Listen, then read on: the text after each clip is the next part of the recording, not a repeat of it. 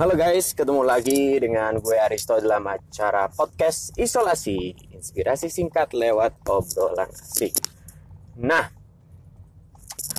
ngomong-ngomong, judul podcast kali ini adalah Apa ya? Gue kasih judulnya ini agak panjang, oke lah gak apa-apa Judulnya adalah Dengan waktu terbatas dan tenaga terbatas, apa yang harus kita lakukan? With limited source what we can do. Ya, jadi what we must do. Jadi kita sebagai manusia pasti punya uh, keterbatasan, ya. Ada yang di sini nggak punya keterbatasan. Gua rasa sih hampir semua punya keterbatasan. Bahkan bahkan tokoh-tokoh fiksi sekalipun yang diceritakan sebagai superhero juga punya keterbatasan. So, apalagi kita yang tokoh realistis di dunia realistis tentu banyak keterbatasan yang menempel diri kita. Salah satu keterbatasan yang biasanya disadari oleh orang-orang, ya. Kenapa disadari? Karena ini merupakan hal yang cukup vital dan semua orang menyadarinya dan e, bergumul dengannya, ya. Yaitu apa? Keterbatasan waktu dan keterbatasan tenaga. Kenapa uang gua nggak sebutkan? Karena uang uh, karena uang ya uang juga terbatas juga sih by the way. Gue juga punya keterbatasan uang tetapi gue lebih mau bahas keterbatasan tenaga dan keterbatasan waktu. Karena apa? Karena uang berbeda-beda. Maksudnya gimana berbeda-beda? Uang yang dimiliki orang tuh berbeda-beda.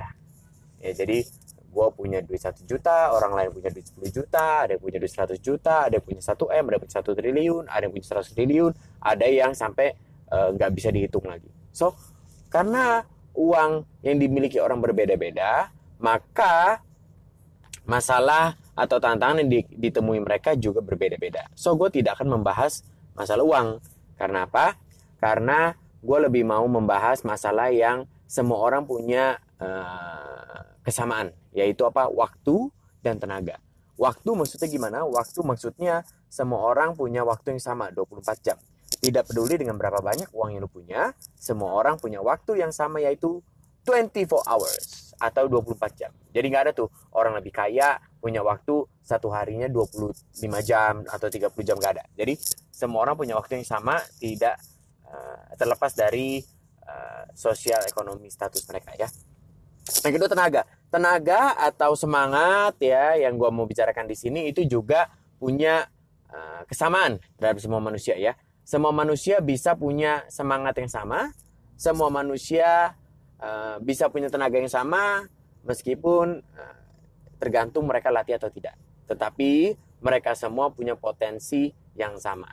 Waktu sama, tenaga dan semangat mereka juga punya uh, potensi untuk sama. So, gue akan lebih bahas ke uh, tenaga dan waktu, keterbatasan tenaga dan waktu. Nah, sebagai manusia yang notabene bukan superhero, kita punya keterbatasan waktu dan tenaga. Namun dalam keterbatasan ini banyak hal yang perlu kita lakukan. Ya, seperti gue, gue punya keterbatasan waktu, gue punya keterbatasan tenaga, tetapi di depan mata gue banyak sekali hal yang harus gue lakukan. Begitu juga teman-teman juga mungkin sedang merasakan hal yang sama, punya keterbatasan waktu, punya keterbatasan tenaga, tetapi di depan mata di depan kita sudah ada banyak sekali uh, pekerjaan atau eh, tugas-tugas uh, yang harus dilakukan atau diselesaikan. So, bagaimana kita mengalokasikannya? Karena apa? Kenapa kita perlu membicarakan ini? Karena kita sama-sama sepakat bahwa kita punya keterbatasan waktu dan tenaga. Dan kita sama-sama sepakat poin kedua adalah kita punya banyak hal yang harus dikerjakan atau diselesaikan. So, bagaimana mengalokasikan keterbatasan ini untuk menyelesaikan hal yang Eh, banyak tersebut. Bagaimana dengan kepas-pasannya ini, keterbatasan waktu dan tenaga ini, kita bisa menyelesaikan apa yang ada di depan uh, mata kita.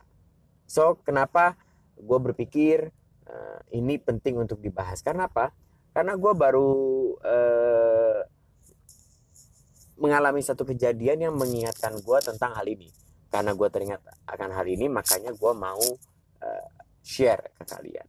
Ya, jadi akhir-akhir ini gue lagi ada sebuah kerjaan atau tugas dan saat gue mengerjakan gue tersadar akan hal ini. Gitu ya. Lalu gue merasa ini sangat penting uh, terutama untuk gue sendiri. Makanya gue ngomong ini minimal kalau nggak ada yang denger ya gue ngomong untuk diri sendiri. Dan menurut gue kalau ada orang-orang di luar sana yang bisa memetik hikmah dari apa yang gue bagikan ya gue akan sangat senang sekali bisa membantu mereka secara tidak langsung oke okay.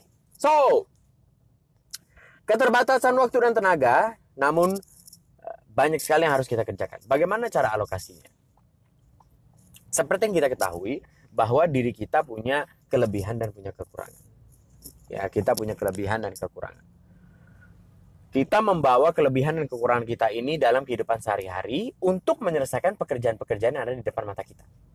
Ya, so nggak ada tuh dalam dalam mengerjakan pekerjaan tiba-tiba kita bilang sama kekurangan kita, "Hei, kekurangan, lu tinggal di rumah ya. Gua mau menyelesaikan pekerjaan nih, jadi gua ambil kelebihan aja atau enggak? Misalnya gua lagi butuh belas kasihan, eh gua butuh uh, belas kasihan nih, jadi gua ajak pergi si kekurangan gua aja ya, kelebihan gua stay di rumah aja supaya orang nggak lihat, nggak bisa." Ke mana pun kita pergi, kita selalu uh, berhimpitan, berdempetan dengan eh, kelebihan dan kekurangan diri sendiri. Jadi kita mengerjakan tugas sehari-hari, kita mengemban tugas sehari-hari, kita menyelesaikan apa pun pekerjaan kita sehari-hari dengan membawa kelebihan dan kekurangan kita. Permasalahan yang seperti yang tadi gue sudah sebutkan berkali-kali bahkan sudah puluhan, sudah mau belasan kali adalah kita punya keterbatasan waktu dan tenaga. Semua punya orang punya keterbatasan waktu dan tenaga. Ya, terlepas dari berapa banyak uang yang mereka miliki, terlepas dari berapa banyak materi yang mereka miliki. So, bagaimana mengalokasikan ini? Dulu banyak orang menyarankan untuk memakai tenaga dan waktu kita untuk mengurangi atau menghilangkan kelemahan kita. Ya.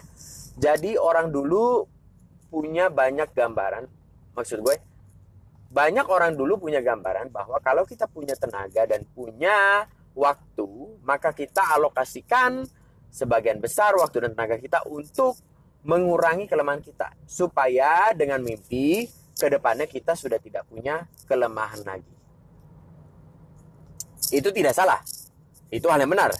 Karena apa? Karena kalau kita fokus dengan waktu dan waktu dan tenaga kita untuk mengikis kekurangan kita, maka by uh, the end of the time, pada waktu saatnya nanti, kekurangan kita akan terkikis dan benar kekurangan kita akan berkurang dan kita menjadi manusia dengan sedikit kekurangan atau lebih sedikit kekurangan dari versi kita yang sebelumnya.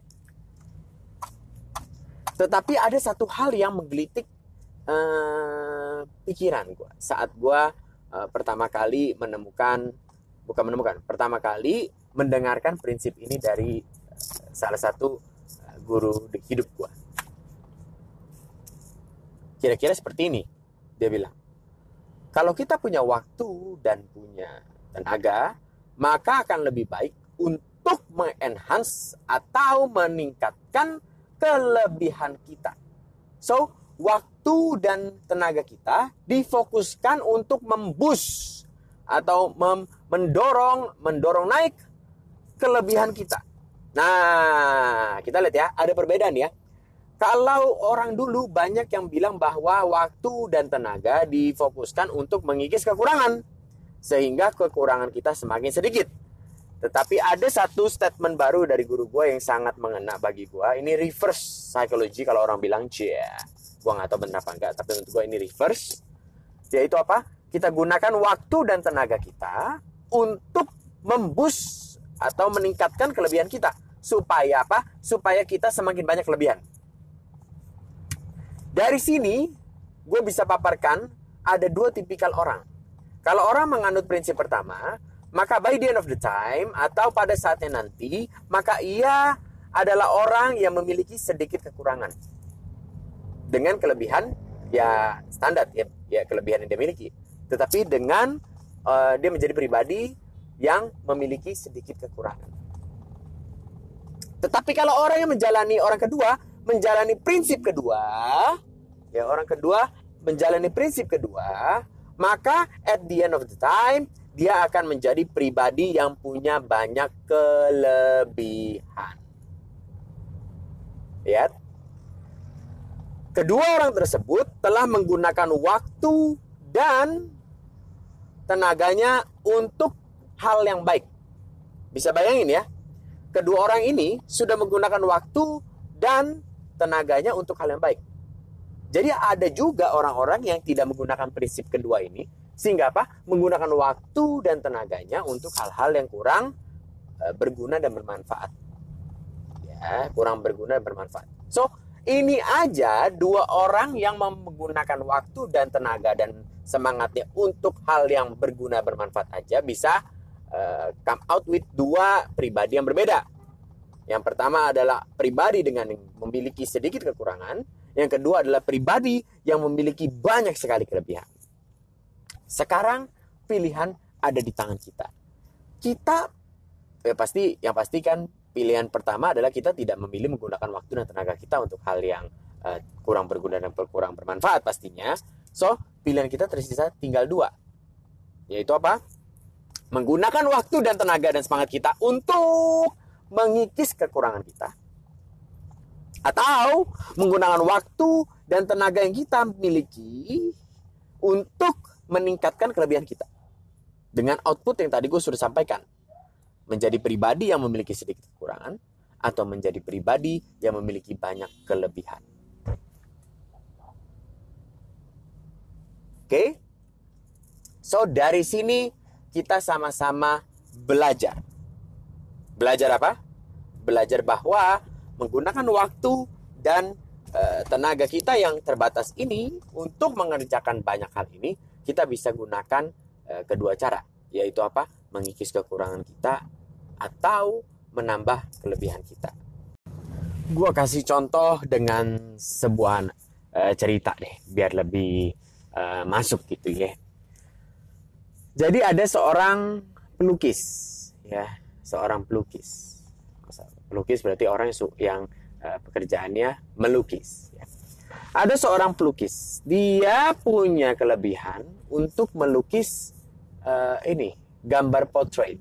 Ya, gambar portrait adalah gambar orang, gambar orang gitu ya. Jadi kalau dari foto dia bisa lukis uh, real seperti nyata. Jadi lukisannya pun sangat nyata, sangat kelihatan nyata.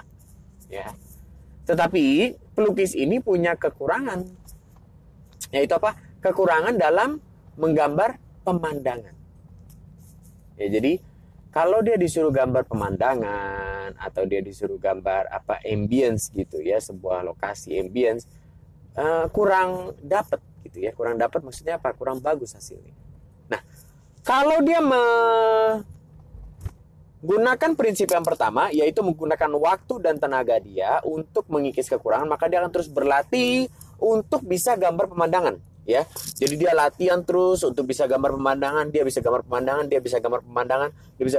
At the end of the time, pada saatnya nanti, waktu dan uh, tenaga yang sudah dia habiskan untuk mengikis kekurangan akan terbalas dengan terbayar dengan sebuah harga yaitu dia jadi bisa gambar pemandangan. So, pada akhirnya pelukis ini bisa gambar portrait dan bisa gambar pemandangan. Lalu ada pelukis lainnya juga sama seperti pelukis pertama, dia ahli, dia punya kelebihan untuk gambar portrait, tetapi dia eh, lemah gambar pemandangan. Namun pelukis yang kedua ini dia menggunakan waktu dan tenaganya untuk terus mengasah kemampuan dia saat menggambar portrait. Saat menggambar portrait ya. At the end of the time, saat dia sudah menukarkan waktu dan tenaganya, maka harga yang dia sudah bayar akan kembali ke dia dengan sebuah skill yang begitu luar biasa saat dia gambar portrait. Waktu dia gambar portrait entah kenapa uh, goresannya, goresan catnya, lalu shadownya, shadingnya, bener-bener kita bener-bener bisa lihat ini real banget sampai sampai ada orang bilang ini kayak 3D nih kayaknya kalau dipegang pipinya cembung padahal nggak cembung. Tapi karena dia uh, punya kelebihan di asa terus sehingga dia bisa meng uh, menghasilkan lukisan seperti itu saat melukis portrait. But at the end of the day dia tetap gambar pemandangan nggak bisa. Tapi saat dia gambar portrait dia benar-benar bisa buat orang terkesima karena gambar portraitnya di atas gambar portrait rata-rata orang pelukis lainnya. Pertanyaan saya kita kalau jadi pelukis tersebut Mau jadi pelukis yang bisa gambar portrait dan gambar pemandangan seperti pelukis pertama, atau kita mau sebagai pelukis yang kedua, yang kalau gambar portrait orang benar-benar bisa terpukau karena bagus banget, real banget sampai kelihatan 3D, tapi kalau gambar pemandangan ya tetap aja uh, biasa-biasa aja ya, ya cenderung kayak nggak bagus. Jadi yang mana yang uh, kita mau pilih? Jadi pelukis pertama atau pelukis kedua? Itu satu cerita yang menurut gue bisa menggambarkan apa yang gue sharingkan barusan.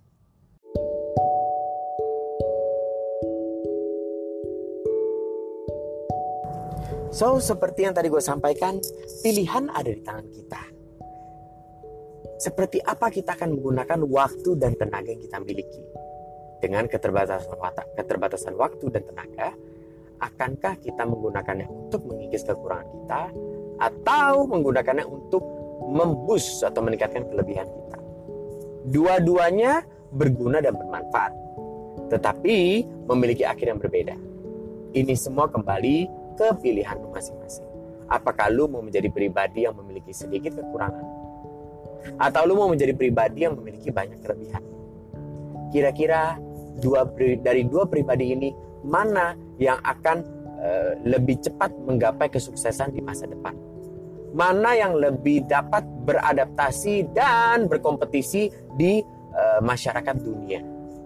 So, pilihan ada di tangan uh, kita semua, tetapi pastikan kita terus menggunakan keterbatasan waktu dan tenaga untuk hal yang berguna dan bermanfaat. Selamat memilih dan sampai jumpa di episode selanjutnya. Bye bye.